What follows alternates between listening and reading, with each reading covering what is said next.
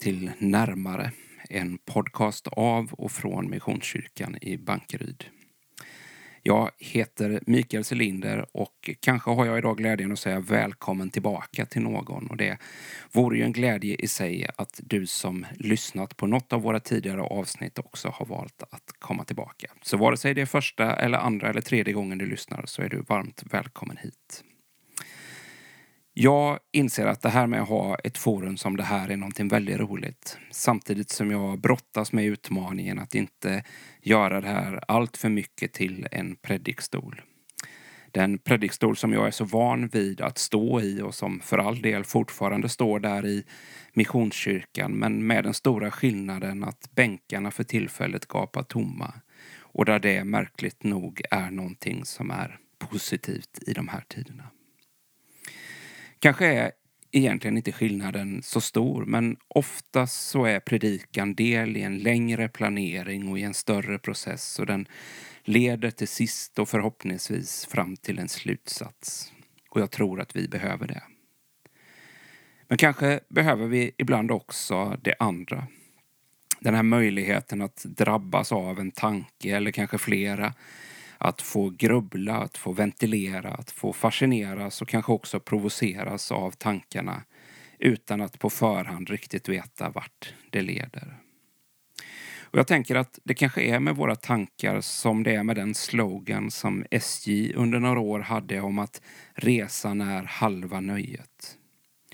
Poängen där det är att en stor del av att det vackra i att resa går förlorat om det bara blir en fråga om att på kortast möjliga tid med minsta möjliga ansträngning ta mig från punkt A till punkt B. Där det mer blir en fråga egentligen om att frakta mig än att resa. Jag tror inte att det är en universallösning och jag är inte övertygad om att alla skulle få samma upplevelse. Jag är tvärtom ganska säker på att så inte skulle vara fallet. Men för mig så var teologistudierna en väg till just detta. Jag fick där ta del av jättemycket kunskap och fakta. Men kanske det allra viktigaste för mig, det var upptäckten av att tron och teologin var precis som den här tågresan. Att resan är halva nöjet. Och där någonstans så väcktes min tilltro till både en djupare trygghet och en förankring i det jag tror är nödvändiga grundstenar i tron, utan vilka bygget förr eller senare kommer att rasa. Men också den här fördjupade insikten och tilltron till att det djupast sett handlar mer om att lära känna sanningen än att bara lära sig den. Och det var också här som en annan insikt började att formas. Att det i livet inte alltid är en fråga om antingen eller. Utan att det också måste finnas ett utrymme för både och.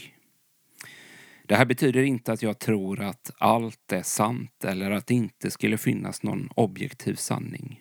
Tvärtom. Men jag minns att jag för säkert 15 år sedan med jämna mellanrum pratade med en god vän som ofta återkom till en kritik av vad han kallade den, den moderna binära logiken. Jag höll ofta med honom eftersom han är så mycket smartare än jag och före sin tid. Så det är kanske först nu som den här orden har landat lite mer i mig och jag har insett att det finns någonting viktigt i det han sa. Det här uttrycket, den moderna binära logiken. Det handlar om att framförallt tänka i termer av antingen eller. Där om A är sant så måste per automatik B vara falskt. Och även om jag tror att det kan vara så, så är det någonting helt annat att tänka att det alltid är så. Alltså, det är kanske inte alltid antingen eller. Utan ibland så finns det också behov av att se både och. En stor anledning till att de här frågorna har bubblat upp i mina tankar de senaste veckorna det är de här dagliga presskonferenserna som jag och många med mig följer slaviskt med bland annat Folkhälsomyndigheten. Jag är långt ifrån någon epidemiolog så jag ska inte ge mig in i själva sakfrågan. Men det blir uppenbart när man tittar på de här träffarna att just den här moderna binära logiken hela tiden finns där och lyser igenom. Där det trots att motsatsen ständigt upprepas finns en slags förväntan att det ska finnas tydliga och enkla svar också i det som är ytterst komplexa frågor. Och jag kan inte hjälpa att varje gång jag sitter där och tittar på den här presskonferensen och ser hur Anders Tegnell liksom låser fast sina händer i varandra, att jag någonstans tänker att egentligen så kokar han inombords. Så jag kan lockas av tanken att han en dag får nog, att han exploderar och går, skriker typ lyssna och tänk efter själv. Och sen går därifrån och säger att nu tar jag helg. Det hade varit lite befriande, men än så länge så verkar han ha ett tålamod som är större än så. Nu är ju den här podden ett av kanske ganska få sammanhang de här dagarna som inte ska handla om Anders Tegnell, så jag lämnar er med min fantasi där. Men för att göra ett försök att knyta ihop mina tankegångar här så tänker jag att på samma sätt som vi i mötet med en pandemi lockas att tänka att det ska finnas ett enda förhållningssätt så är det i grund och botten samma mekanismer som jag själv också hela tiden lever med. Där det antingen är si eller så. Men där det alldeles för sällan är både si och så. Och här tänker jag att vi, eller i alla fall jag, behöver lära mig att leva och att tro på ett sätt som gör det möjligt att inte hela tiden se saker i motsats till varandra. Utan att det faktiskt är möjligt att ha två tankar i huvudet på samma gång. Jag tror att just det är en koordinationsförmåga som vi alla skulle må väldigt bra av. Och låt mig här i alla fall få göra ett försök att konkretisera vad jag menar så att det, inte detta bara blir en filosofisk tanke utan också blir till ett sätt att leva. Tidigare i veckan så pratade jag i ett sammanhang om att jag har lätt att hänga upp mig på enskilda meningar. Det kan vara sångtexter eller boktitlar som jag lite sådär halvt memorerar och sen går och idisslar och har i bakhuvudet. I det sammanhanget så talade jag om ett par ord som jag tror behöver få stå sida vid sida och inte ställas mot varandra. De orden jag talade om då var orden tröst och trots. Och, och någonstans här är det detta jag är ute efter. Att i den kristna tron så tror jag att det finns rum för både trösten och trotset. Här finns rum att vara både svag och att vara stark. Här finns utmaningen att både kunna säga ja, men också säga nej. Att stänga ute, men också att omfamna. Eller som någon har uttryckt det, att medverka eller att göra motstånd. Och som kristen och som människa så tänker jag att det här är en ständigt pågående process i våra liv. En slags ömsesidighet mellan tross, trösten och trotset. Mellan att medverka och att göra motstånd. Och just därför så är tron någonting som hela tiden pågår. Någonting som lever och som är dynamiskt. Självklart finns det konstanter och självklart finns det fasta punkter i tron som behövs att navigera utifrån. Men tron är för den sakens skull vare sig statisk eller steril. En annan sådär titel som jag har i min bokhylla och som jag har sett många gånger och som har satt sig i mina tankar. Det är en bok av Roy Andersson som har rubriken Vår tids rädsla för allvar.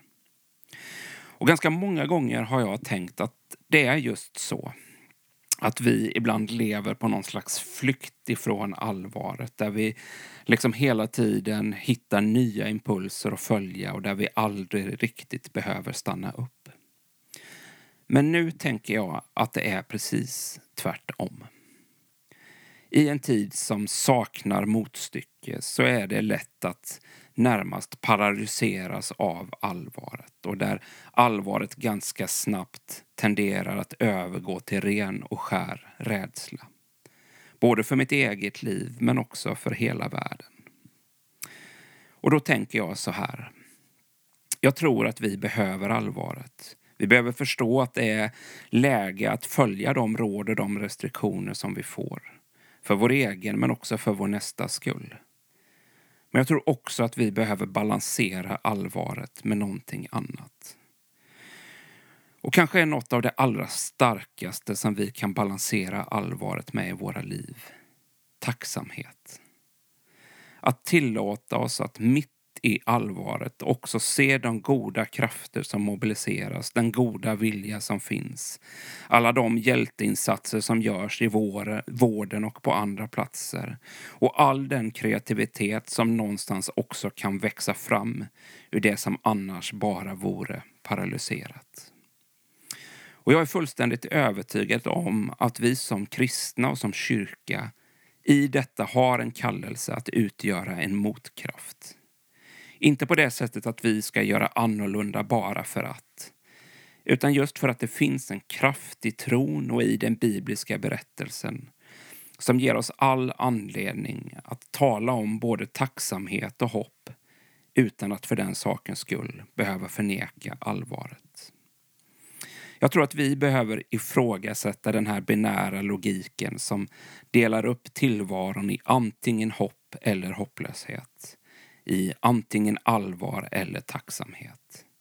Det finns både behov och anledning att känna bägge delar och att ha två tankar i huvudet på samma gång. Jag tror att det alltid har varit så, men det har sällan varit så påtagligt som det är nu. För när allt kommer omkring så tror jag att i det kristna hoppet finns någonting annat och någonting större än att bara vara en förhoppning. Det är ett hopp som svarar mot en verklighet. Som svarar mot en person och en berättelse som gör det till någonting annat, någonting större och vackrare än att bara vara en hurtig verklighetsflykt i en svår tid. Tvärtom tänker jag att i den kristna tron så finns det både anledning och kraft att upptäcka att tron inte syftar att dra mig ut ur eller bort ifrån verkligheten utan tvärtom. Och det dröjde tre avsnitt, men nu är vi där att jag läser mitt första Magnus Malm-citat där han skriver. Varje påstående om att djupare kärlek till Jesus skulle vara en flykt från verkligheten är alltså en förnekelse av den Kristus Bibeln talar om. Att röra sig närmare Kristus är inte att röra sig bort från verkligheten, utan tvärtom. Att sätta sig i rörelse rakt in i dess glödande centrum. Hos honom bultar det hjärta som en gång brast på korset för att försona hela världen med Gud. Hur skulle någonting kunna vara viktigare och ha högre prioritet än att koncentrera hela sin uppmärksamhet och sin kärlek mot honom? Inte minst nu i en tid som den här så tror jag att det finns anledning för oss att upptäcka, eller kanske snarare återupptäcka, att tron inte vill skilja mig från den omgivande världen. Också här är det lätt att begränsas av den här binära logiken som delar upp tillvaron på ett sådant sätt att vi lockas att välja mellan antingen Kristus eller världen. Kanske behöver vi istället återvända till den bön och den bekännelse som vi med jämna mellanrum sjunger. Att Jesus för världen givit sitt liv. Öppnade ögon, Herre, med giv. Därför både kan och behöver vi fortsätta att tillbe och att lovsjunga Gud även när kyrkorummet står tomt och när tillvaron skakar. Och jag tänker att jag också den här veckan vill avsluta på det sätt som vi tidigare gjort.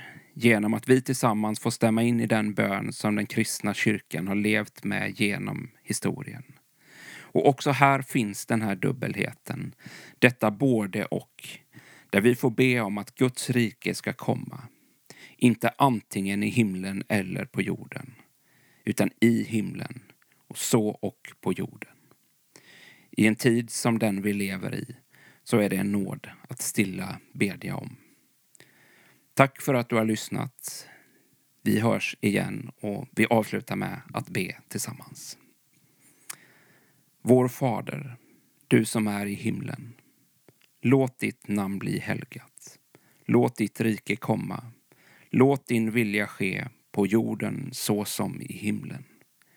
Ge oss idag det bröd vi behöver och förlåta oss våra skulder, liksom vi har förlåtit dem som står i skuld till oss. Och utsätt oss inte för prövning, utan rädda oss från det onda. Ditt är riket, din är makten och äran i evighet. Amen.